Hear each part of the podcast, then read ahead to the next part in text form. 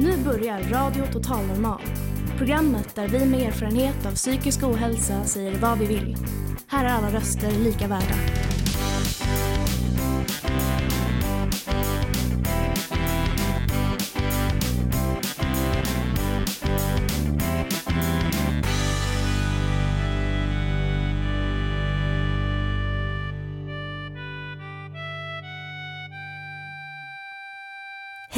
Hjärtligt välkomna till Radio Total Normal.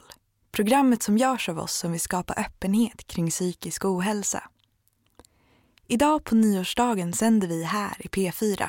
Genom eten sänder vi till er med både löften och önskningar om att 2015 kommer bli ett bra år.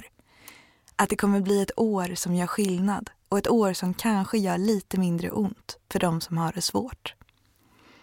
Kanske kan vi skapa en lite bättre tillvaro för oss alla om vi bara vågar prata om just sådant som psykisk ohälsa. Det är i alla fall min förhoppning och det är precis det vi ska göra nu. I dagens program kommer vi få höra hur hiphop-legenden Doggy Doggelito egentligen mår. Det ska handla om patienter som läggs i bälte, nödvändigt ont eller bara onödigt och om hur olika rädslor kan ta form. Vi kommer också få höra hur det kan göra minst lika ont att må dåligt utan synbar anledning och om hur en tanke som inte får finnas ändå kan slå rot. Jag som är programledare heter Alice Lindgren.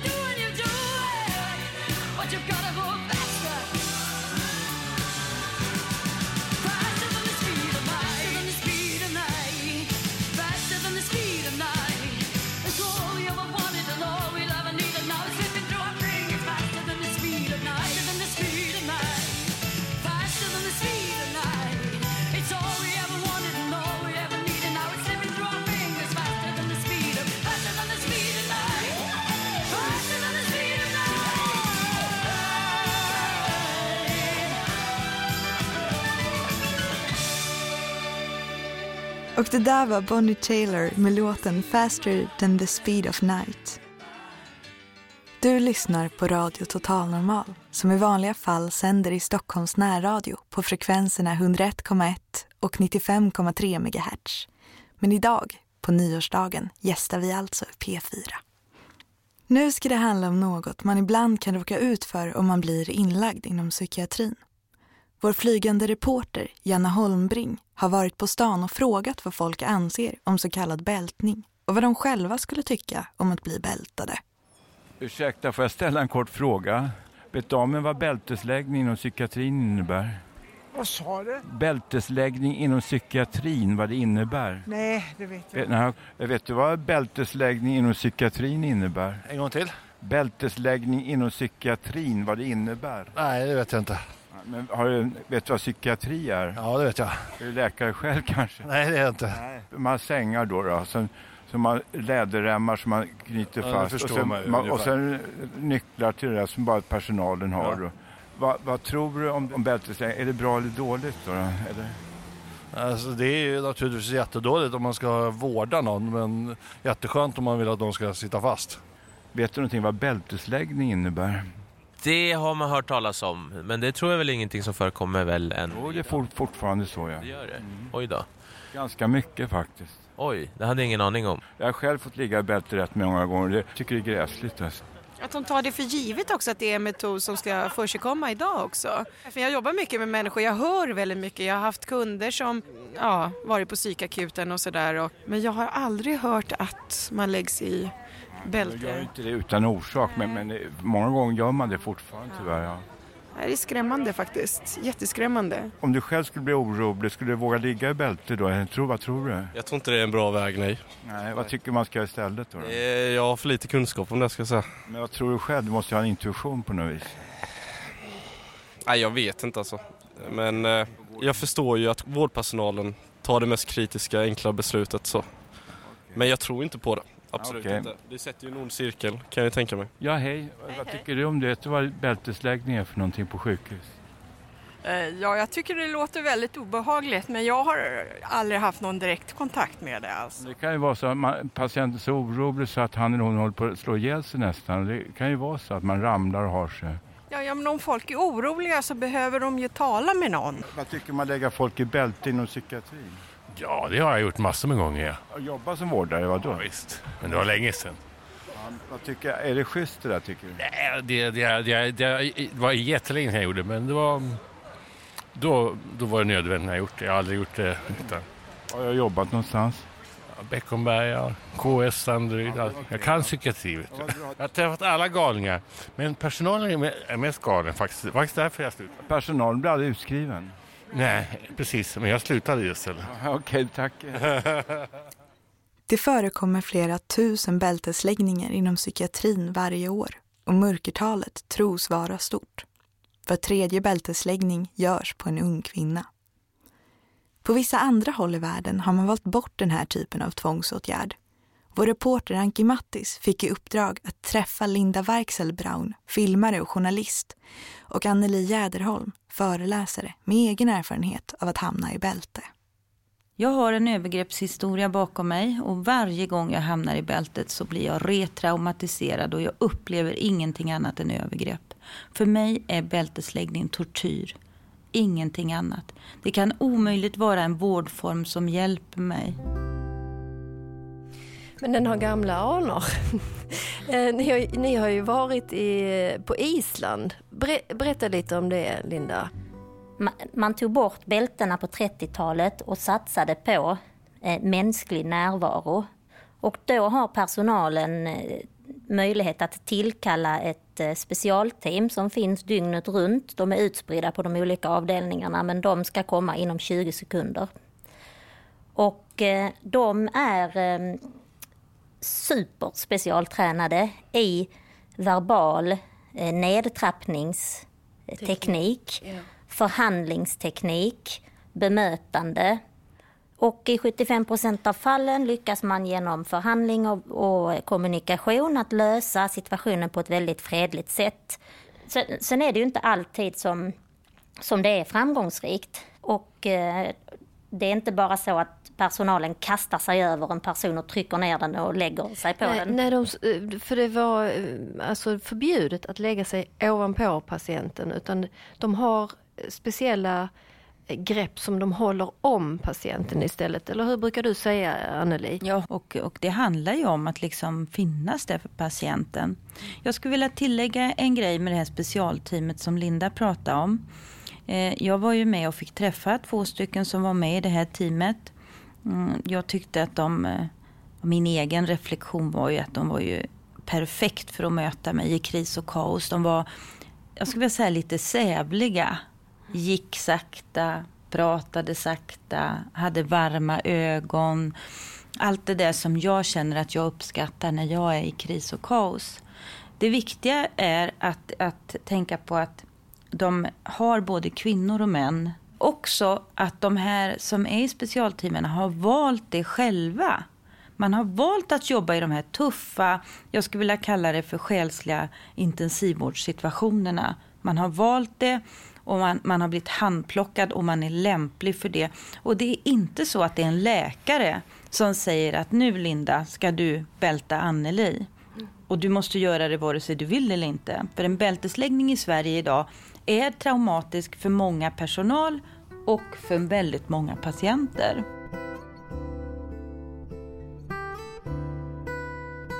Finns det några andra länder än Island som har förbjudit det här med bältesläggning? Eh, Ja, i England bältar man ju inte.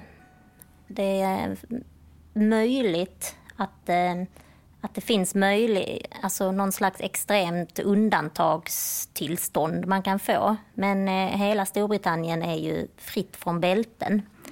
Men pratar man om bältesläggning så är det väldigt intressant tycker jag att titta på vad det finns för studier kring bältesläggning. Eh, de enda slutsatserna som man kunde dra med lite säkerhet var att man kunde se att patienter som hade blivit bältade, de får en längre vårdperiod. Det jag skulle vilja säga en annan grej. I en bältesäng blir jag alltid lagd fyra timmar. På Island, där, där varar en, bältes, eller en, en fysisk gränssättning kanske max 20 minuter eller max 30 minuter. Något enstaka fall en timme. Alltså det är ju efteråt när du har varit förbannad och du har fått uttrycka dig vad du nu än månde uttrycka som du går ner i någon slags sorg och ledsenhet. Och i det tillståndet tycker jag absolut inte man ska bli liggande i en bältesäng. Då ska man upp fortast möjligt och bli tröstad.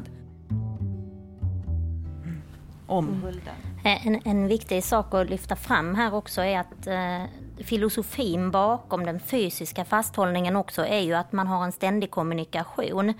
Att på Island tror man att att kunna kommunicera och nå varandra människor emellan har en väldigt välgörande effekt. Och man kommer till slut till en överenskommelse vilket motverkar risken för själslig isolering och ensamhet. Och man tror väldigt mycket på den medmänskliga kontakten. Så att det finns även ett någon slags terapeutiskt värde i detta.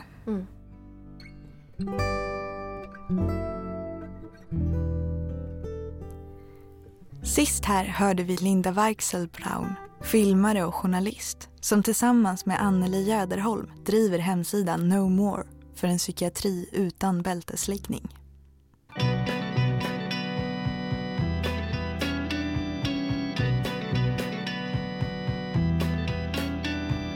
Baby, do you understand me now?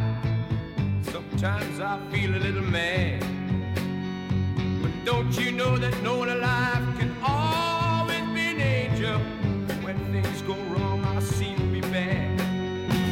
I'm just a soul whose intentions are good. Oh Lord, please don't let me be misunderstood.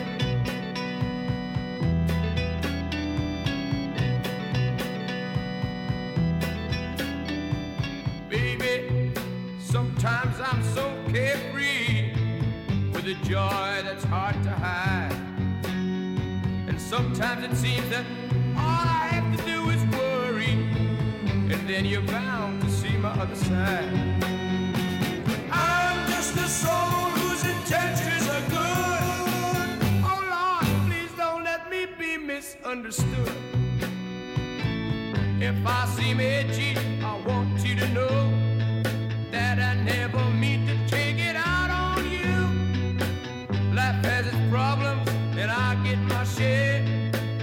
It's one thing I never meant to do, cause I love you. Oh, oh, oh, baby, don't you know I'm human? I have thoughts like any other one. Sometimes I find myself alone regretting some foolish thing, some little sinful thing I've done. I'm just a soul whose intentions are good. Oh Lord, please don't let me be misunderstood.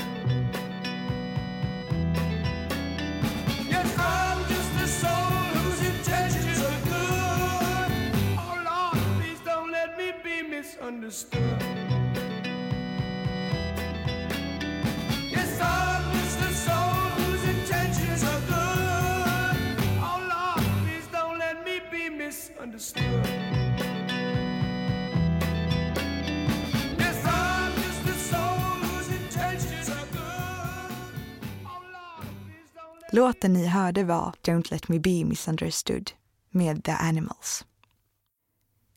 Det kan vara svårt att förklara för andra varför det gör så ont inombords om det egentligen inte finns någon synbar anledning. Vi ska höra en krönika av författaren och journalisten Tove Lundin som var nära att förlora ett av sina barn. Under så många års tid att jag tappat räkningen har min kropp varit i stridsberedskap. Med ångesten bultandes i bröstet och nerverna utanpå. Min kropp kan bli handlingsförlamad av en maska på strumpbyxan och ställa sig i stridsläge på grund av en ändrad plan. Så när det väl blev en krissituation, då var jag redo. Som den där natten när jag såg min pojkväns ansikte vridas i sorg när läkaren säger i telefonen att ert barn dör nu, ni måste komma. Ni hinner på en timme så ni behöver inte stressa jättemycket. Men det är valborgsnatt och 20 minuters väntetid på taxi. Och när jag slutligen sitter där i taxin och borde om någonsin känna den där välbekanta paniken bulta i bröstet och ut i öronen, då kände jag bara ett lugn. Det var som att kroppen lutade sig tillbaka och sa Vad var det jag sa, Tove? Vad var det jag sa? Skillnaden mellan att må dåligt utan någon logisk förklaring och att må dåligt av en anledning som att ha ett sjukt barn är enorm. Vi fick snabbt träffa en kurator. Kom vi inte till träffarna kom hon till oss. Det är inte pinsamt eller skambelagt att sörja sjuka och döende barn. Mina vänner och familj var mycket mer stöttande. Även om jag fått fightas med försäkringskassa och myndigheter, även här är det inte ens i närheten som när problemet sitter dolt på insidan. Som att jämföra en långpromenad med en mara ungefär. Ändå gjorde det minst lika ont första gången. Minst lika ont. Så var det, och det måste få sägas. Utan skam. Smärta kan komma helt utan synlig orsak och den är inte mindre sann för det. Den måste tas på lika stort allvar som den med förklaring. På sidan av min mage, i höjd med naveln, har jag ett pyttelitet ärr. Det är så litet att man knappt ser det med blotta ögat. Det ärret efter den operation jag gjorde i april förra året. Den operationen som räddade livet på mina två döttrar medan de fortfarande låg i min mage och gjorde denna lilla familj så innerligt lycklig. Dagarna som följde hade jag ett blåmärke på magen, stort som en handflata. Hålet sprack några gånger och det sipprade ut blod.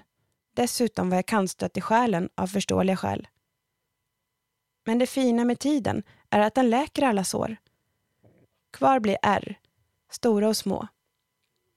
Eller som de i själen, osynliga. Jag tänker att ärren kanske hjälper oss att bearbeta det jobbiga och onda. Man ser med blotta ögat hur det blir mindre och slutligen bleks bort.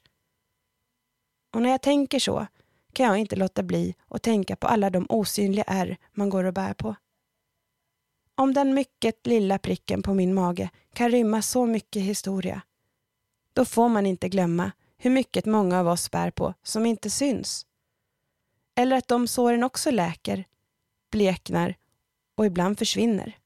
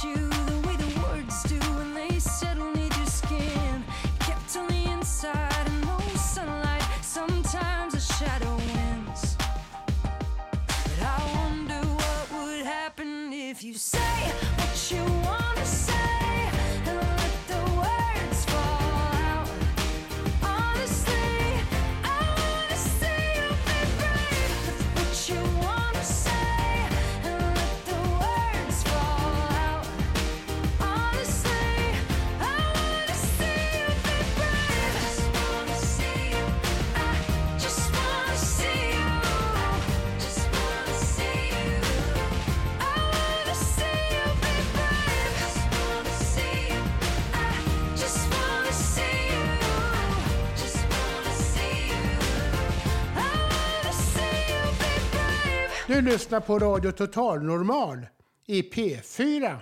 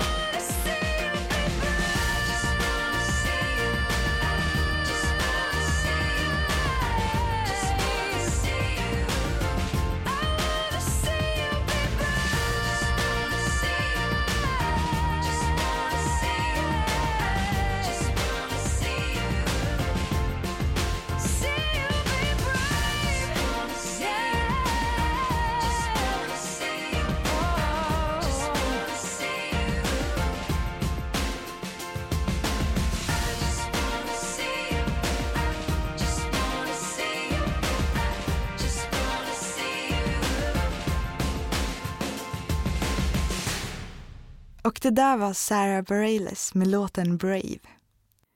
Vad är du egentligen rädd för? Den frågan tog konstnären Kristina Schippa med sig till Radio Total Normals ungredaktion och så här blev resultatet.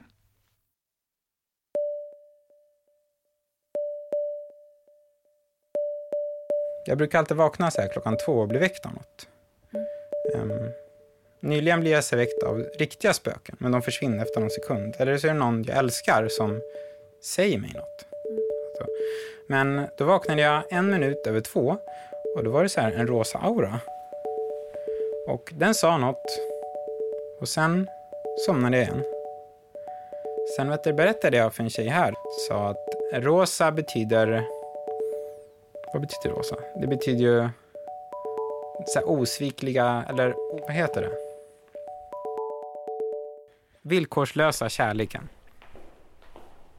Jag sitter och väntar. Jag tittar på en rosa vägg. och väntar på att Jag väntar på att klockan ska bli fyra. redaktion på Radio Total Klockan fyra ska jag träffa Ung Redaktion på Radio Total Normal. Jag ska fråga dem om rädsla. Om det finns något som de är rädda för. Eller om de har något minne. Jag ställer frågan, har du varit rädd någon gång? Eller är du rädd för något? Själv vågar jag inte svara. Min största rädsla i livet är att bli alldeles ensam. Jag är en, ensam, jag är en ensamstående man, ung pojke med en ensamstående mamma. Hon är 80 år men hon är väldigt pigg för sin ålder. Men varje gång till exempel jag är ensam hemma kan jag bli rädd över att det ska hända något henne, att hon liksom ska överanstränga sig eller på något annat sätt liksom råka ut i trubbel. Nu vet jag ju i själva verket att hon är väldigt försiktig och tar hand om sig själv men eftersom hon är den enda psykosociala kontakt jag kan räkna med i alla väder så är jag väldigt beroende av henne trots att jag fyllt 40 år.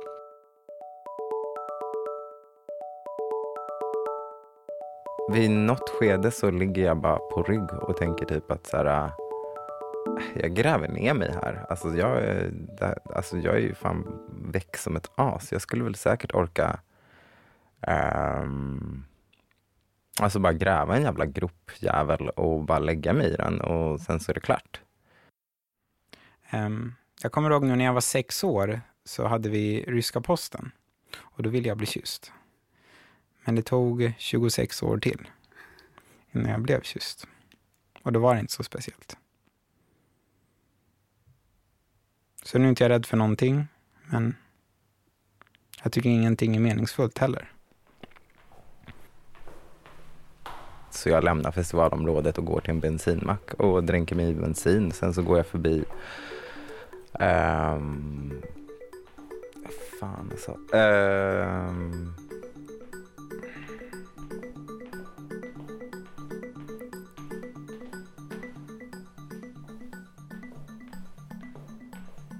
Nationalteaterns spelning. Så var det. Ja, och sen så insåg jag att det var ganska skevt. Så jag eh, tog och... Eh, ja, vad gjorde jag? Jo, nej, men typ så här uppsökte sjukhustältet och typ ställde mig i duschen. Typ. Det var det. Så. I början av 90-talet uppfann Doggy Doggelito med The Latin Kings den svenska förortsrappen. Men med framgången följde även en del motgångar. I höstas kom Ibland vill man bara försvinna, boken om Doggy Doggelito av Kim Verabatro Nordberg. Och där beskriver Dogge fenomenet att ingen frågar en artist hur hen mår när den bara förväntas underhålla. Med den frågan i fickan tog sig Benny Rodin ut till studion i Alby där allt en gång började. Så nu är vi alltså i hjärtat av eh, Norra Botkyrka i Alby och vi är på, vad heter det, vi är på eh, Studio Barbarella. Men då tar vi och börjar och, och kör intervjun. Ja. absolut. Jag ber inte om mycket och aldrig om mera. Gud ge mig sinnesro att acceptera saker jag inte själv kan förändra. Mod att förändra det som jag kan ändra. Förstånd och inse skillnaden av negativa trenden. Jag brukar ligga helt trasig uppe i gränden, hela kroppen. Fullproppad av gifter och glömma bort alla mina livsuppgifter. Kan du berätta om hur du tänker om den här texten idag? Alltså det där är ju en gammal eh, bön som, jag vet inte vad han heter, om han heter Franciscus eller någon som skrev den där bönen. Det är ju sinnesrobönen som jag gjorde om i rapversion så att säga. Och eh, för många år sedan så gick jag på sådana NH-möten och läste allt den här. Och då tänkte jag att jag skulle göra om den till en rap på vers två på Tack Gud är det. Och då gjorde jag om den, det är den i grunden men jag har stylat om den lite. Eh, Och det, det är från mitt liv liksom. Så att eh, det är det det handlar om liksom. När du ser tillbaka på din tid med droger och eh, alkohol och, eller vad det nu är, för något, kan du kalla det för ett missbruk idag? Absolut, alltså allting som man gör av för mycket blir ett missbruk liksom. Och eh, för min del så fanns det vissa orsaker som gjorde att jag hamnade i det här. Jag mådde väldigt dåligt, jag hade en fru som gick bort i cancer, det var en väldigt tuff tid och då var det lätt att dämpa ångesten och det jobbiga med whisky till exempel, eller droger. Och jag hade en dotter som dog också eh, strax efter det och vad ska jag säga, jag har liksom inget, inget försvar. Det, jag har alltid varit beroende av musik och kultur och sånt men jag blev så fruktansvärt ledsen när det här hände så att jag kände inte igen mig själv som person egentligen. Och jag kände också att omvärlden inte förstod mig och mitt problem. Att de förväntade sig bara, eftersom jag var sångare, bara man ska fortsätta leva som vanligt som inget har hänt. Och det tycker jag är lite fel liksom. Men, men vad fan var det som hände? Jag kände bara att jag mådde inte bra och tappade lusten.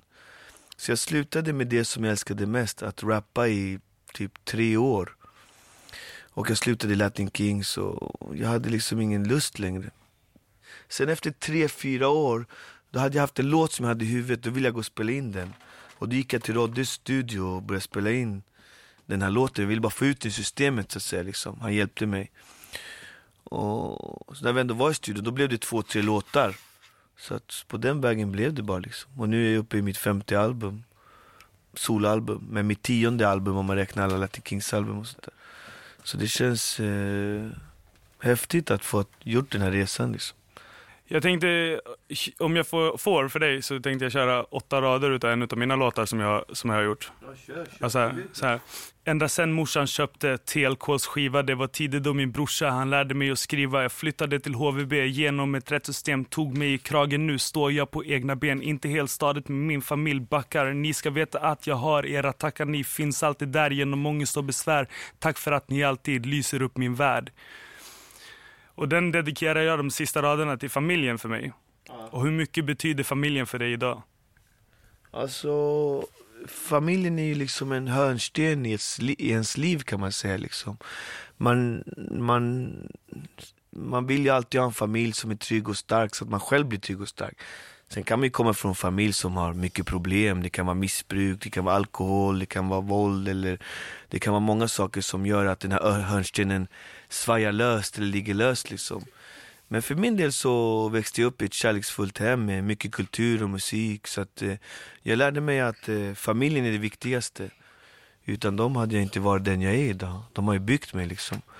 Idag i, i Sverige är det mycket att man ska klara sig själv, det är mycket egoism och, och sånt. Och det är lätt att glömma bort sådana basic grejer tror jag.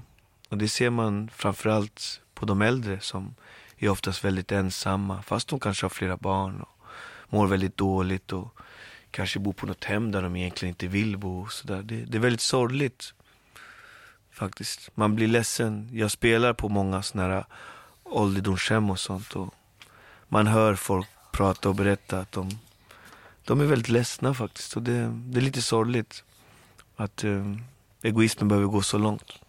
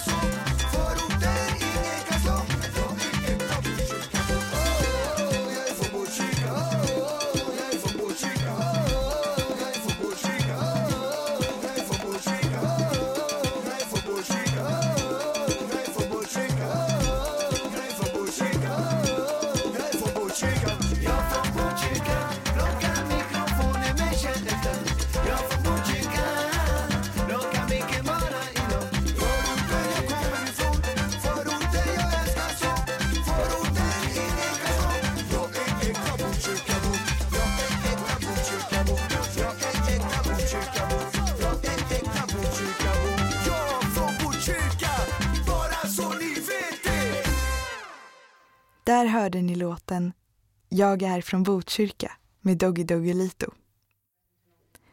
Nu så här första dagen på det nya året innan vi avslutar det här programmet och fortsätter att få önskningar att slå in vill jag bara passa på att skicka med er en liten tanke från Karin Lundgren. Tanke som inte får finnas. Om vi var dem och de var vi. Hemska tanke. Nästan omöjlig att acceptera såsom tanke. Vi fattiga och de rika, eller i alla fall någorlunda välbärgade. Det går inte att acceptera. Tiggarstaven väljer inte tiggaren, bara omständigheterna. Vissa tankar borde förbjudas. Om vi var dem och de var vi. Vad vore vi väl då utan empati? Sist här i Radio Total Normals program hörde ni Karin Lundgren, Tanke som inte får finnas. Musiken var komponerad av Jan Tiersen. Du har lyssnat på Radio Total Normal i P4. I vanliga fall sänder vi närradion på 95,3 och 101,1 MHz. Vi sänder live med publik från Stockholm med början torsdag den 22 januari. Vill du lyssna på oss igen, gå in via webben www.radiototalnormal.se. Radio Total Normal drivs av föreningen Fanzingo i samarbete med Fountain House Stockholm. Och programmet görs av oss som vill skapa öppenhet kring psykisk ohälsa. Producent var Emma Lundenmark, tekniker Gustav Sondén och Ivan Landines och ansvarig utgivare Malin Jakobsson. Och jag som var programledare denna allra första dag på året heter Alice Lindgren. The Eastern world, it is exploding, violence flaring, bullets loading. You're old enough to kill, but not for voting. You don't believe in war, but what's that gun you're toting? And even the Jordan River has bodies floating, but you tell me over and over and over again, my friend. Ah, you don't believe we're on the eve of destruction.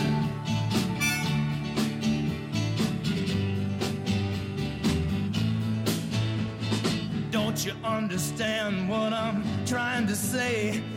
Can't you feel the fears I'm feeling today? If the button is pushed, there's no running away. There'll be no one to save with the world in a grave. Take a look around you, boy. It's bound to scare you, boy. And you tell